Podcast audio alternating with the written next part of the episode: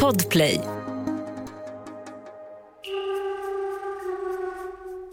Planlägg er semester i tid. Se till att den blir er till bästa möjliga rekreation samt för dem av er som har tillfälle att företaga resor även en utvidgad kännedom om mitt eget land och folk.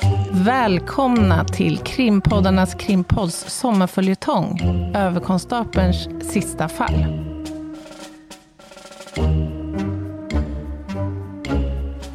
Avsnitt 3 Dåtidens Kapten Klänning. Igår fick ni vara med när utredningen drog igång på allvar. Man kunde ganska snabbt avfärda den där frisören David Hedin från utredningen. Men överkonstapel Gustav Stjärne fastnade i nätet och blev häktad för mord. Mm. Men, Anna, Mm. När avsnitt två var klart, då hade man ännu inte lyckats fastställa dödsorsaken än. Nej, Hur går det? ja, men alltså det här med dödsorsaken i det här fallet har ju varit ett riktigt debacle. Som det heter. Ja. Det var ju alltså obduktionsförrättaren Ströman som var huvudansvarig för den här ja, rättsmedicinska besiktningen och liköppningen, som man sa då. Eh, och vi kanske ska göra en recap, vad man först tyckte sig ha kommit fram till. Mm.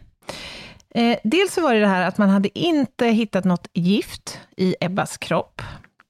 Eh, man hade däremot funnit sprit i likdelarna i sådan myckenhet att den ur 120, 120 gram likdelar isolerade mängden uppgick till 1,3 gram. Det, det är väldigt precis och exakt. Hon har, Hon har sponkat på. hon har sponkat på. Okej.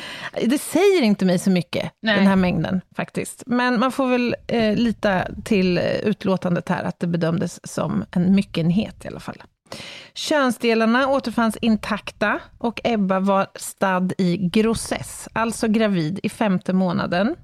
Eh, däremot så fann man inte någon, något tecken på sexuell aktivitet i närtid till döden. Vadå, hon hade inte sperma i sig? Precis. Ja. För att jag tala klarspråk. Ja, Ja. ja, ja, ja, Ja. det är bra.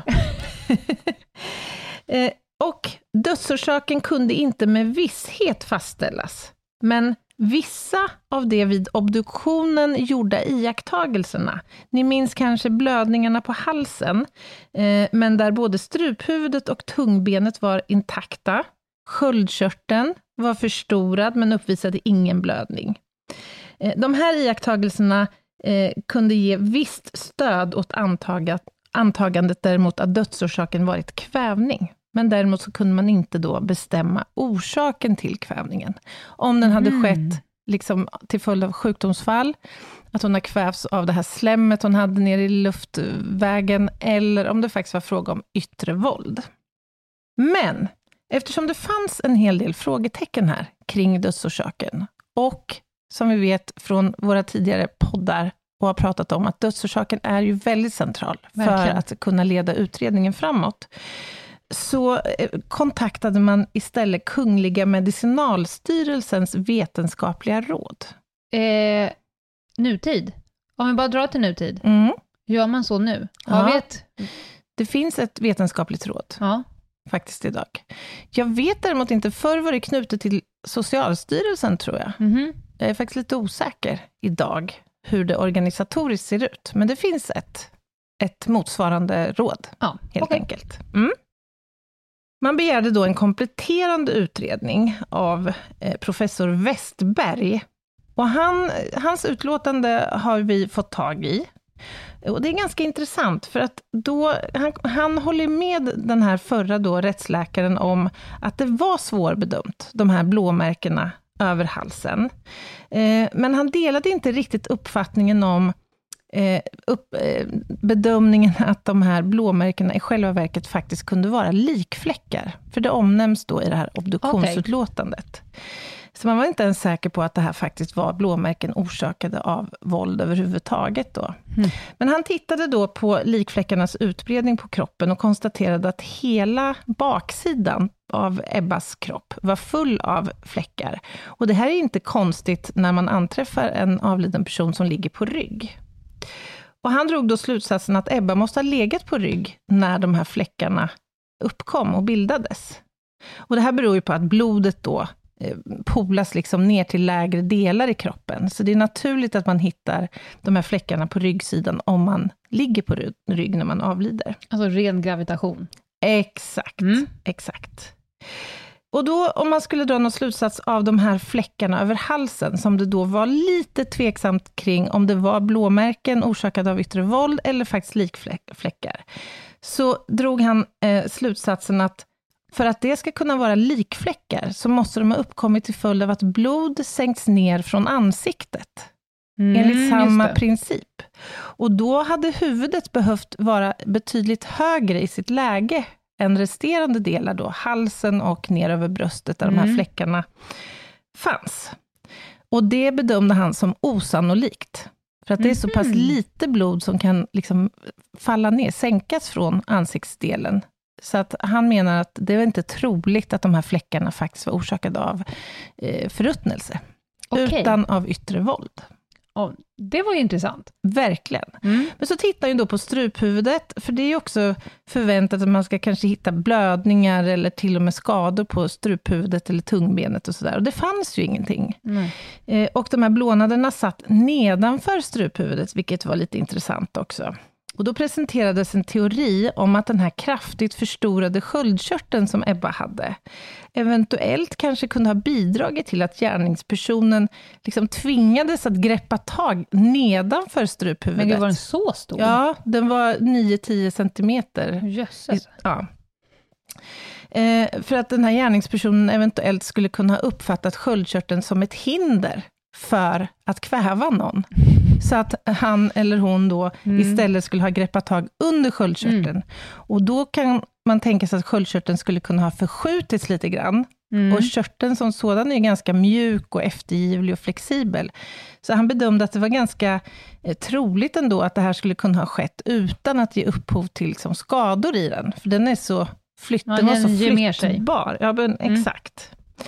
Och han kunde också avfärda övriga då förslag, såsom kvävning till följd av slem i luftvägarna, att det skulle ha varit kvävning till följd kanske rent utav av den här körteln, men också självmord. Ja, men då fick de ju ut lite av den här kompletteringen. Ja, och så var det ju det här, kommer du ihåg att man tittade på eh, delarna, eller delar av livmoderhalsen också? Mm och eh, Ebbas könsdelar. Man tog ju vara en del av livmoderhalsen och fixerade dem med eh, formalin. Men när man tittade på de här preparaten på nytt, så fann man då ett litet, litet område i slemhinnan som var rodnad och knottrig. Eh, vilket nu, när man tittade på det med lite nytt ljus, faktiskt skulle kunna antyda att där fanns en liten, liten skada. Mm. Så det här mm. framkommer här lite mer, lite, liksom, nytt. lite nytt faktiskt. Mm. Ja, och där sitter ju då Gustav Stjärne häktad för mord. Mm. Med den här kunskapen då börjar de ju, det börjar ju komma mer och mer information till utredarna. Ja, precis. Men låt oss börja med Gustav Stjärnes första förhör. Va, vad säger han själv nu då? Gud vad intressant. Men han berättar då att han föregående dag, då är vi då den 4 augusti. Mm. Mm. Då hade han träffat Ebba halv fyra vid Jakobskyrkan. Hon hade då berättat för honom att ja, men på kvällen här som kommer, då ska jag träffa en yngling, en frisör. Mm. Vi får väl då tänka att det här är David Hedin. Just det. Mm. Eh, Stjärne hade då bett henne att vara försiktig och inte låta denne man komma henne nära. Mm. Ebba hade därefter lovat honom då att möta upp Stjärne igen på kvällen, alltså efter sitt mm, möte med mm. David. Ja, just det. Och då vart ju Stjärne lite nöjd med det här, och då skulle han gå till en lägenhet som han hade tillgång till. Mm. Han bodde ju, som du vet, med fru och sina barn, men mm. han hade en, en, lägenhet tillsammans med ett sällskap, som en mhm. lokal mer. Okay. Eh, och enligt uppgift så var han överceremonimästare i mm. den här lilla, det är någon form av klubb. Mm, Ja, men dit skulle han i alla fall gå och i, det hålls ju massor förhör med stjärnor, men vid ett av de här förhören så säger han att direkt efter han och Ebba skildes vid den här kyrkan, då hade han minsann raggat upp en dam, mm -hmm. eh, tagit med henne till den här klubblokalen, bjudit henne på punch mm. och legat med henne eh, innan han gick hem och åt middag med sin familj. Mhm. Han fick ju längs vägen lite frågor om de här utomäktenskapliga könsumgängena. Och då kunde han erinra sig om tvenne gånger detta år. Okej. Och han kunde också minnas att han båda dessa gånger var inledda av punch och att samlaget hade varit 10-15 minuter. Ja, det var ju en väldigt eh, exakt ändå, återgivning får man ju säga. Men alltså, det är lite intressant. Man kan ju få känslan här eh, av att han konstruerar, eller i alla fall lämnar en historia, Mm. som inte helt gör hon, honom klanderfri, så att säga. Nej. Han tillstår ju här att han har utomäktenskapliga affärer. Och att han har träffat Ebba. Och att han har träffat Ebba, men ganska elegant så ger han ju sig själv alibi för Ja. tidpunkten när hon faktiskt avlider. Ja, eh, och det kommer mer, men nu ska vi minnas att Stjärne är ju inte bara snut, utan öferkonstapel. Mm, just det. Han vet ju hur en brottsutredning går till. Mm. Så han förstår ju, så som många, många vi, du och jag har träffat på genom åren, de förstår att de måste ju lägga en Mm. story. Och en klassiker är ju att de lägger en berättelse som är så nära Mm. sanningen som möjligt. För att polisen kommer ju få reda på saker och om de inte stämmer överens så kommer du framstå som rätt fishy. Mm. Så att han lägger nu en story som är Så, så, nära, nära, sanningen kan. som möjligt. Mm. Om det nu är han, Mm. det vet vi inte än, men det, men det är väl förmodligen någon form av tanke han har. Mm. Mm. Men han fortsätter då, han hämtar upp den här tjejen, dricker punch och så liggs det i 10-15 minuter om han nu ska följa sitt modus. Mm. Mm. Efter det går han hem till sin familj och äter middag. Mhm. Och sen går han till Stockholms stadion och avnjuter en fotbollsmatch. Detta gör ju han då i väntan på att Ebba ska ha mött klart den här. David. Mm. Sen träffade han Ebba som planerat, ungefär vid 20.30. Och då gick de till Djurgårdsbrunns värdshus, där de superat tillsammans. Mm. Och det här stämmer ju helt överens med Ebbas systers förhör, som vi hörde om igår. Just det. Eh, så även där håller han ju sig någon form till sanningen. Och det är klart att det, det förstår han ju då, om han nu är skyldig till det här, att han måste säga, för att han har ju faktiskt iakttagits, han vet ju att hennes Många syster ja. var ju där med flera. Exakt. Mm. Eh, och efter de hade varit där och superat, Mm. och enligt Elsa druckit en del sprit, och enligt obduktionen rätt mycket, Just det. då hade han mycket gentlemannamässigt promen- promenerat henne hem igen till hennes port, Mhm. där han släppt av henne strax efter klockan halv tolv. Mm. Här får han en fråga Aha. av förhörsledaren. Är du säker på att ni promenerar hem? Kan det inte vara så att ni åkte automobil? Mhm. Och här reagerade Stjärne rätt starkt. Nu citerar jag. Ja.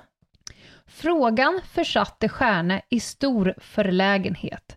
Hans blickar irrade runt i rummet. Han sväljde och sväljde och sväljde varjämte det, det ryckte i ansiktsmuskulaturen. Aha. Sedan satt han på ett sådant sätt i några minuter, rätt lång tid ändå, innan han svarade ”Jo, det gjorde vi”.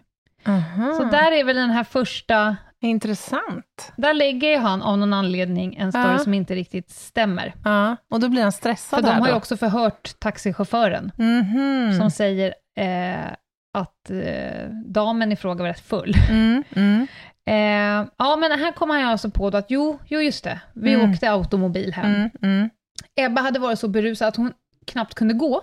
Mhm. Eh, när de kom fram då, då, hade fått skjuts, då frågade han om han hade fått, fick följa med Ebba in, Mm. men hon hade avböjt. Så han hade hjälpt henne där med väskan, ficklat upp några nycklar som han tänkte skulle gå till porten. De hade gått in i porten tillsammans, Ja. men sen hade inte han fått följa med längre.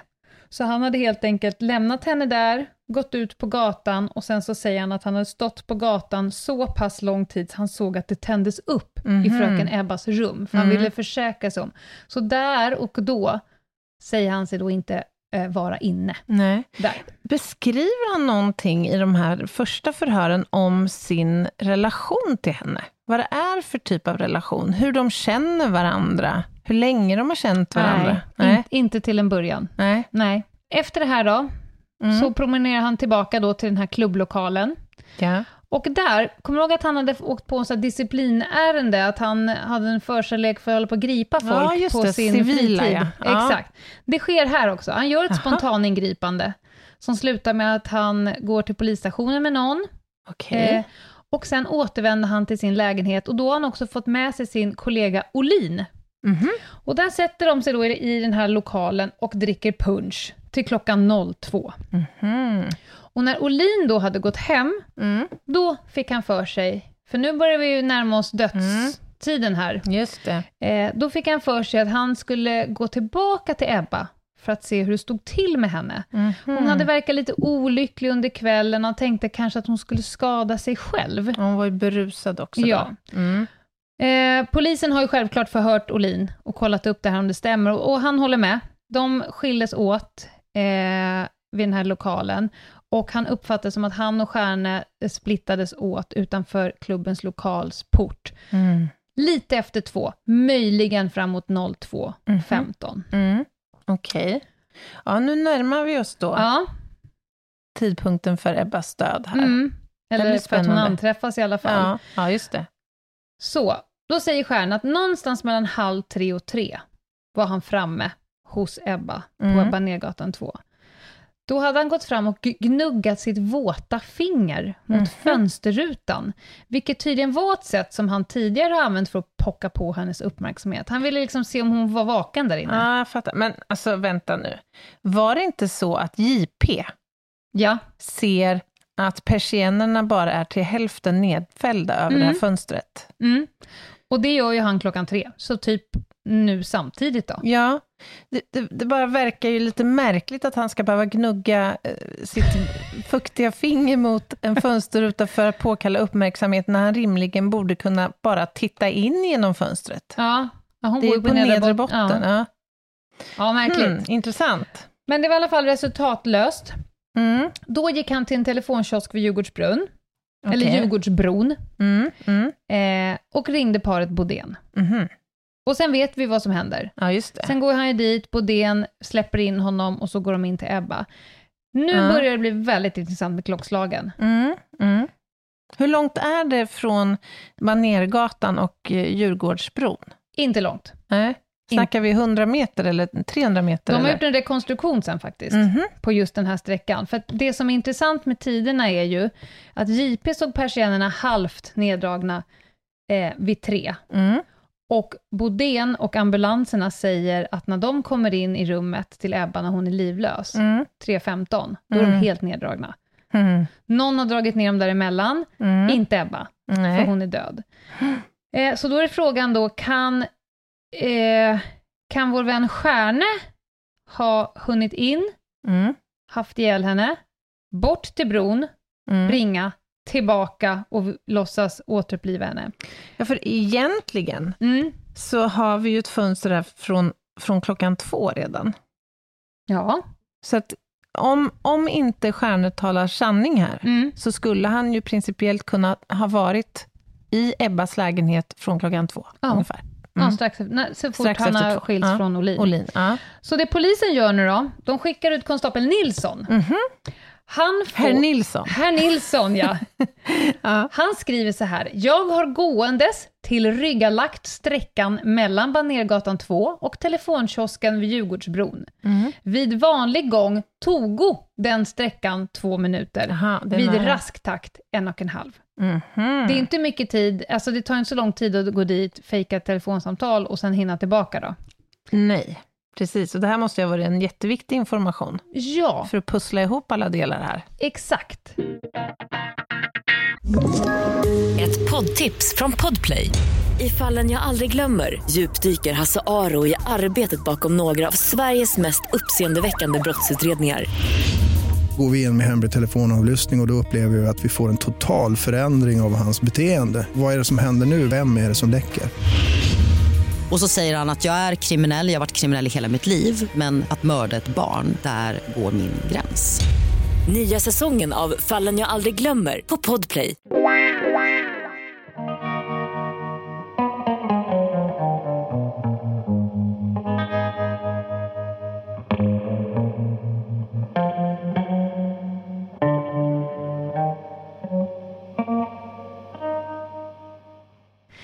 Stjärne blev ju anhållen och sedermera häktad och fick ju då såklart en advokat. Mm. Hultman. Mhm. Vad har han att säga om det här då? Ja, lyssna på det här. Det torde vara alldeles omöjligt för renhållningskaren Lindblom att tillnärmelsevis på minuten bestämma hur lång tid han natten mellan den 4 och 5 augusti uppehöll sig på respektive gårdar och hur mycket han då hade ens på att någon av dem uträtta. Därför kan något avseende ej fästas vid denna tidsöverräkning. Advokat Hultman. Är inte det här bara ett desperat försök att slå hål på liksom, utredningens bästa Ja, spår här? det är också hans enda uppgift. Ja, ja jag menar ja, men det. absolut. Ja. Eh, och man kan inte heller säga emot honom. Nej, alltså, nej det, det kan man naturligtvis inte. Men fortsatt i, i förhör om en stjärna så berättar han att Ebba eh, pratat, nu, nu, tycker du, nu kommer du bli lite barsk på honom, för nu gör han någonting fult. Mhm. Ja, ja, Ebba har ju pratat om att hon hade tänkt börja sällskapa med män mot betalning för att tjäna, eh, tjäna ny penning till sitt uppehälle. Mhm. Eh, jag, Stjärna, har ju givetvis avrått hon, henne från detta. Hon har också vid flera tillfällen pratat om att förkorta sitt liv och frågat mig om vilka sätt som vore minst smärtsamma. Mm. Jag har uppfattat denna typ av samtal som barnsligheter och alltid försökt intala henne hopp och förtröstan om framtiden. Mhm. Så här nu försöker han då ta på sig någon slags eh, roll som överbeskyddare av Ebba. Mm. Och misskreditera henne Mm. och hennes eh, livsval och så vidare. Men det är väl också ganska klassiskt? Hon kan Alltså inte att man försvara sig. ger sig på någons karaktär, så att säga. Nej. Men jag har ju läst både Augustas Bodéns eh, förhör och fler med henne, säger Mm. ju att det är ingen annan än han som upplever henne som livstrött. De andra säger ju ofta att hon är en ganska levnadsglad Mm. person. Men och det här med att hon eventuellt skulle ha varit prostituerad då? Var det en uppgift som kom fram från annat håll? Har inte hittat den någon annanstans. Nej. Hon var ju social och förmodligen dejtade. Hon hade i alla fall dejt med David, Mm. men det hoppet till att bli prostituerad är ganska långt. Mm. Mm. Ja, men nu sitter han där, Stjärne. Och får vi säga att den personliga katastrofen är väl någon form av faktum för honom?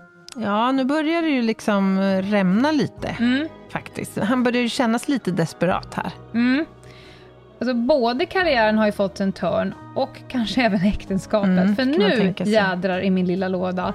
Nu börjar man grotta i Gustav Stjärnes liv och det nosas upp kvinnor som Mm. han har haft relationer med. Mhm. Och nu börjar allmänheten eh, ge sig till känna. Vi säger ju alltid att polisen vill jobba tillsammans med allmänheten. Ja, men jag tänker att det här måste ju också ha blivit en stor grej när det här kom ut i tidningarna. Att det satt en överkonstapel häktad för misstänkt för mord. Det är smaskigt. Ja. Mm. Lyssna på det här brevet.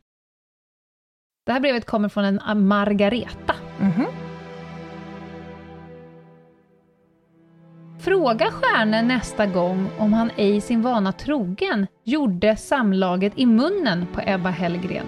Han är känd för det. Hm. Det går nog lätt för en drucken kvinna att på det sättet bli kvävd. Kvinnorna i Stockholm fordrar en, att en sådan usling som han får bli oskadliggjord för dem. Ja, ja, vad ska man säga?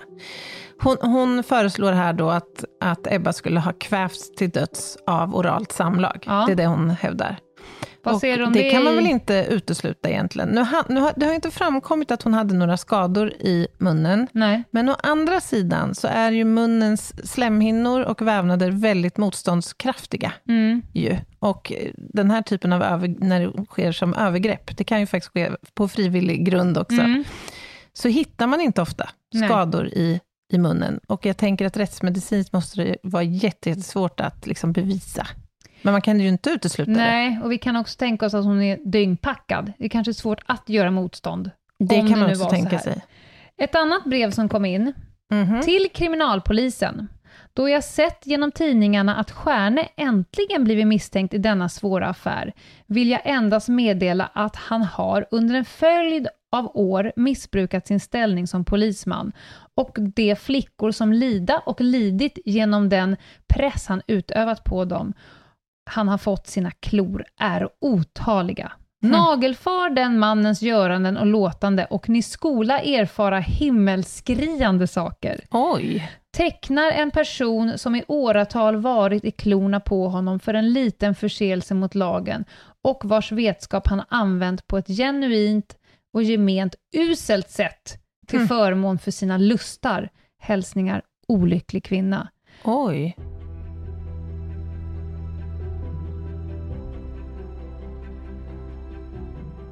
Då jävlar är man maktmissbrukare om man tar folk som då bryter mot lagen och håller det emot dem genom att utnyttja Ja, dem. verkligen. Men alltså, är han dåtidens Kapten Klänning? Alltså, Gustav det, Stjärne? det är ju ett par såna här äh, check. Ja, det får man Likheter. ju ändå säga.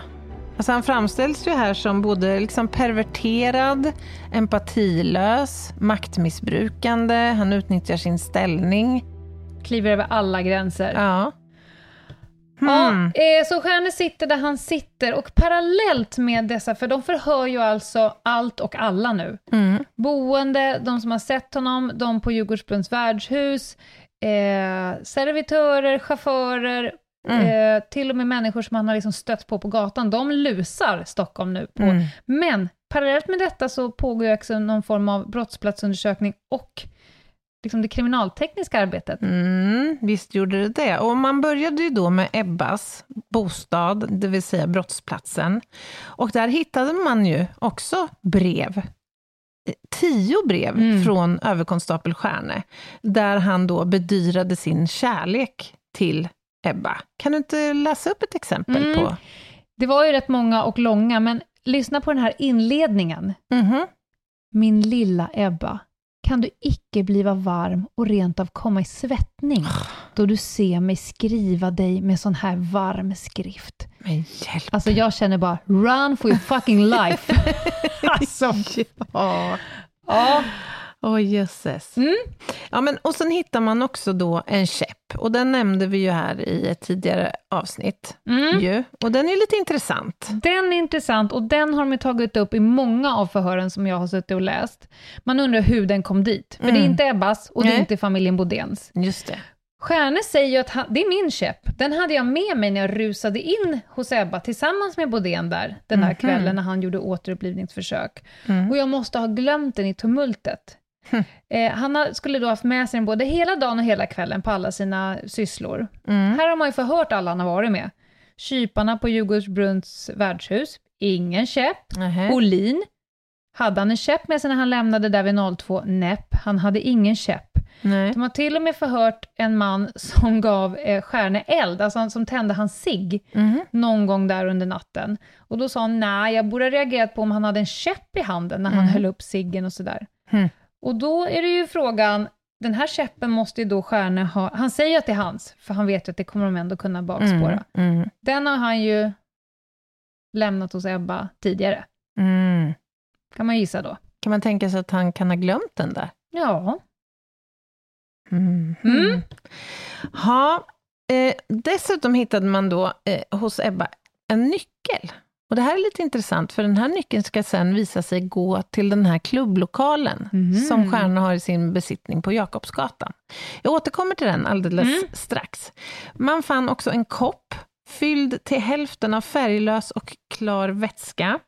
Och eh, den här vätskan gjorde man då en rättskemisk undersökning av och konstaterade att det var vanligt vatten. Men man fann också spår av lingonsaft i den. Mhm. Och här kunde Augusta eh, bekräfta att hon brukade dricka saft i, ur den här muggen och den brukade stå på, på det här stället. Så det var inga konstigheter med den. Man fann inget gift. Och det letade man ju aktivt efter då, eftersom den här uppgiften hade framkommit om att hon eventuellt skulle ha Mm. förgiftats. Okej. Eh, Men man tog eh, som brukligt både eh, lakanen från platsen. Mm. Eh, Och underlakanet var vi inne lite grann på igår, ju, i gårdagens avsnitt. Och det var då jag beskrev att man såg att det fanns en större fläck med blodblandad vätska på det här. Just Kommer du ihåg? det. 90 centimeter stort. Mm. Eh, vid närmare inspektion av det här lakanet så, så fann man också att det fanns, det fanns flera fläckar på det. Och samtliga då rödbruna, eh, varav ett par var faktiskt ganska stora. Och sen fanns det då väldigt små besudlingar. Men det, det, liksom, det här var nedsölat, helt enkelt. Även på överlakanet så fanns det fläckar. Två mindre, tre gånger sju centimeter stora och tre stycken handflatestora besudlingar. Så det här är ju ganska... Ja. Ja. Eh, Och slutsatsen blev eh, av undersökningen att samtliga av de här fläckarna eh, innehöll blod. Och sen tittar man då på hennes kläder, både på underkjolen och på linnet som hon bar när hon eh, anträffades då död, så fanns mindre fläckar av blod. Och de här fynden då, de blev för, föremål för nya förhör här med paret Bodén. Eh, och de uppgav att Ebba, jo, hon hade ju begagnat lakanet i ungefär en månad före sin död. Mm. Så att, och det innebar ju att man kunde ju inte utesluta att de här fläckarna faktiskt hade funnits tidigare. Däremot så, så beskrevs att hon hade rena kläder på sig. Den hade varit ren, både kjolen och linnet här den aktuella dagen. Men Augusta säger något som är ganska intressant.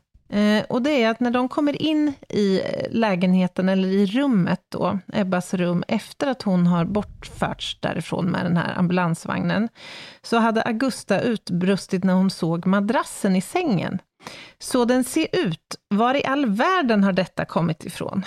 ja, men då är det ju något som sticker ut över det Ja. normala. Det var ju det. Det hon ser då, det är att madrassen var genomträngd av någon slags vätska. Och den här vätskan hade inte bara blötlagt madrassen, utan till och med på golvet under madrassen så var det vått. Men hade Ebba för lite vätska i kroppen när hon kom till obduktion? Det måste ju märkas om det liksom saknas... Ja, nej men alltså, det beskrev, den här fläcken på lakanet beskrevs ju som blodblandad Mhm. vätska. Eh, så att tanken här var ju att det här kanske var då blod utspätt med någonting. Mhm. Men hon hade ju återigen, hon hade ju inga blödande skador på, Nej. på kroppen. Så att, eh, och med dåtidens eh, ja, undersökningsmetoder så kanske man inte heller kunde klarlägga exakt så här snabbt vad det faktiskt var fråga om för, för vätska. Nej. Eh, I alla fall så gör man ju också då en, en platsundersökning i Stjärnes då, klubblokal. Han hyr alltså en lokal på Jakobsgatan. Och det framkommer då när man frågar runt här att han brukar vistas ganska mycket i den här lokalen när han inte är med sin familj eller för den delen patrullerar eh, stadens gator så att säga. Eh, och du var inne på det här, det här var ju egentligen inte en bostad utan mer en klubblokal då som Stjärne var ansvarig för i egenskap av överceremonimästare. I den här lokalen då så fann man dels breven eh, från Ebba, för Ebba hade också skrivit brev Mm. eh, till Stjärne då. Eh, och det var också kärleksförklaringar och sådär, av liksom den naturen då, innehållet. Och, och parallellt här med förhören med honom, det är nu han börjar liksom bekräfta att ja, jag Mm. och Ebba hade en relation. Vi hade en Mm. relation, ja precis. Man fann även pornografiskt material i form av så kallade franska bilder. Ja, Och det är kort och gott halvnakna kvinnor ja. på de här bilderna. Han uppgav att de här, de här korten, då, eller bilderna, det hade han enligt egen uppgift då införskaffat i en cigarrbod på eh, Klara Norra Kyrkogata. Så det Mm. gick ju kanske sen att spåra då. Men man hittade också en anteckningsbok här. Mm. I den här boken så fanns det uppgifter om ett 40-tal, 43 kvinnor som han hade haft kontakt med. Och inte bara det, det fanns också beskrivet i den här boken information om vilka tider, tider de hade setts och vilka tider de hade haft intima kontakter. Så han har ju alltså haft sex då, legat med samtliga Mm. de här. Tvenne sa han ju, Ja, precis. not so much. Not so much. Men vilken sjuk jävel som för logg. Ja, det får man väl ändå säga. Man undrar lite syftet. Ja, men alltså man tänk, jag tänker direkt att han måste ha varit liksom svårt perverterad, Mm. alltså sjuk på något sätt. Men jag Ja. vet inte. Ja, absolut. Ja. Sen fann man lite andra spännande detaljer här. Bland annat överdelen till, till någon form av pumpanordning i metall. Och på den här pumpanordningen så satt en 50 cm lång gummislang Mm. samt en glasburk i form av en tunna. Och den här tunnan då, den rymde omkring en tredjedels liter. Och överdelen på tunnan passade väldigt väl in i själva pumpanordningen. Man, Ja. ja. man hittade också en kateter, Mm. man hittade två glasrör. Man hittade en påse med soda, en påse med alun, en påse med vitt tunt pulver, en förseglad kapsel innehållande saffran och en liten kartong pulveriserad kanel. Vad säger Ja. det här dig, de här fynden, Lena? Alltså du tappar mig någonstans vid saffran och kanelen. Ja, Men resten verkar pumpanordning och vatten, det verkar vara någon sköljhistoria. historia. Ja. Sen vart det lite efterrätt på det. Ursäkta, men jag fick inte riktigt ihop det på slutet. Men varför jag så snabbt gissar det är ju för att jag har ju eh, läst förhör. ja, men berätta. Ja, till exempel så kan vi prata om flickan Elsa, Mm. som Gustav Stjärne träffade när Elsa var 11 år. Mm. Mm. Han flytt, eller hon flyttade in hos honom eh, och han fick henne också att kalla honom för pappa för att grannarna inte skulle reagera på hennes ålder. Men alltså, han inledde en kärleksrelation med en 11-åring, eller? Ja, det får man väl tro, för att sju år senare, då var hon gravid. Hm. Lyssna på det här. Trots sköljmaskinen han hade köpt för att undvika Mm. graviditet. Så att det är nog den som du har hittat där borta Mm. i brottsplats, eller i husrannsakan. Kanske det, ja. Eh, och han säger då att eh, Elsa själv hade sett till att, han, att hon hade fått missfall. Men Elsa säger att det var Gustav Stjärne som hjälpte henne att få missfall den gången. Mm. Och hon är inte den enda som har, han har gjort gravid. Nej. Kommer ni ihåg Anna Hellberg där som vi nämnde i början, i första avsnittet? Så kollegan till Ebba från Ex- restaurangen. Exakt. Mm. Även hon blev gravid med Stjärne och födde ett barn några år tidigare. Hmm. Och Stjärne erkände då under utredningen att han var ju troligen far till barnet som Ebba väntade när hon dog. Mm. Och med det här då så hade man ju en tes att Stjärne natten mellan den 4 och 5 augusti försökte avsluta detta havandeskap då, framförallt nu eftersom det var så mycket, mycket vätska i sängen, då fick man ju lite Mm. vatten på sin kvarn, bokstavligen. Mm. Och att hon då kanske har råkat dö av skadorna medan han, han höll på med det här. Mm. Vad säger du om det här? Vad hittar de? Ja, men alltså först och främst så kan vi reda ut lite grann hur samhällets syn på abort såg ut Mm. på den här tiden. Alltså det här var ju före preventivmedlens tid egentligen. Och abort var, var vid den här tidpunkten förbjuden. Den första abortlagen kom först eh, 1939. Sköljning var en sån här variant som man tog till då som ett sätt att försöka förebygga graviditet. Man förde helt enkelt upp en kateter då i underlivet på kvinnan och sen spola ur livmodern för att försöka få bort det som sen skulle kunna befrukta ett ägg helt enkelt. Så egentligen är inte det beslaget särskilt konstigt? Att han Nej, hade en sköljapparat? alltså det om han hade så jävla mycket damer? Nej men precis, det här behövde inte bevisa, framförallt inte bevisa ett mord, Nej. men möjligen att någon har använt det för att försöka abortera ett foster eller förebygga en graviditet. Eh, Och illegala aborter och fosterfördrivningar, som man då kallar det, genomfördes ju ganska frekvent i olika sammanhang i samhället vid den här tidpunkten. Och särskilt om barnet var av utomäktenskaplig börd. Eller för den delen att den havande då kvinnan var ogift. Det Mm. ansågs ju inte vara lämpligt, så att säga. Men det här är lite intressant tycker jag, för att det fanns ju flera olika metoder eh, här då, eh, som man kunde ta till. Eh, och det var inte ovanligt att flera av de här också faktiskt dödade den, den havande, havande kvinnan, för det var ganska vanskligt liksom att hålla på med det här. Men till metoderna så kan nämnas då brännvin. Det är lite intressant. Han har ju varit på Djurgårdsbrunn och försökt supa henne full. Ja, och Ja. Hon, hon kan, det kan ju inte uteslutas att hon själv har velat Absolut. göra det också. Kaffe, såpa, olika typer av örter, ättika, fosfor och Kanel och saffran. saffran. Ja, Saffran.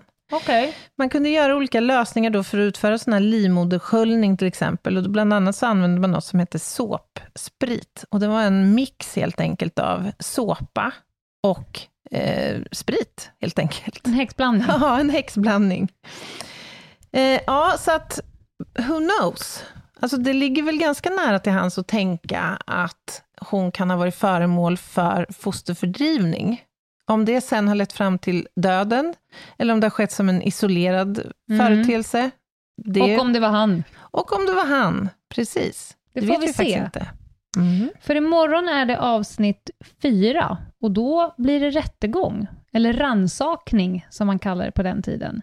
Då får vi se vad de lägger fram för bevis då. Vad, förs vad försvaret, Hultman, säger om de här bevisen. Mm. Och så vet jag att du är extra sugen på att höra, gjorde man någon form av sinnesundersökning av honom? Just är han det. perverterad och farlig? Mhm. Eller är han bara en snuskgubbe? Ja, och kunde man besvara frågan om han vid eh, tidpunkten för det här brottet Mm. ansågs vara eh, liksom vid psykisk Med sina obalans? sinnesfulla Ja. bruk. Precis. Ja, det får vi se imorgon. Då blir det avsnitt fyra av vår följetong Överkonstapelns sista fall. Spännande. Välkomna då. Bye! Bye. Ett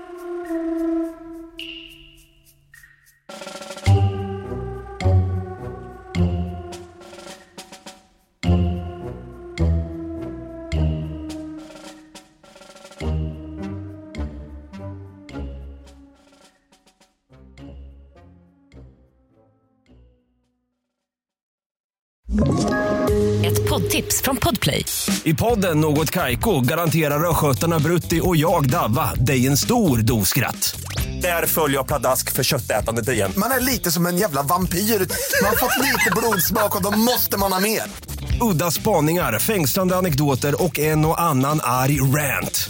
Jag måste ha mitt kaffe på morgonen för annars är jag ingen trevlig människa. Då är du ingen trevlig människa, punkt. Något Kaiko, hör du på Podplay. Därför är gardinerna.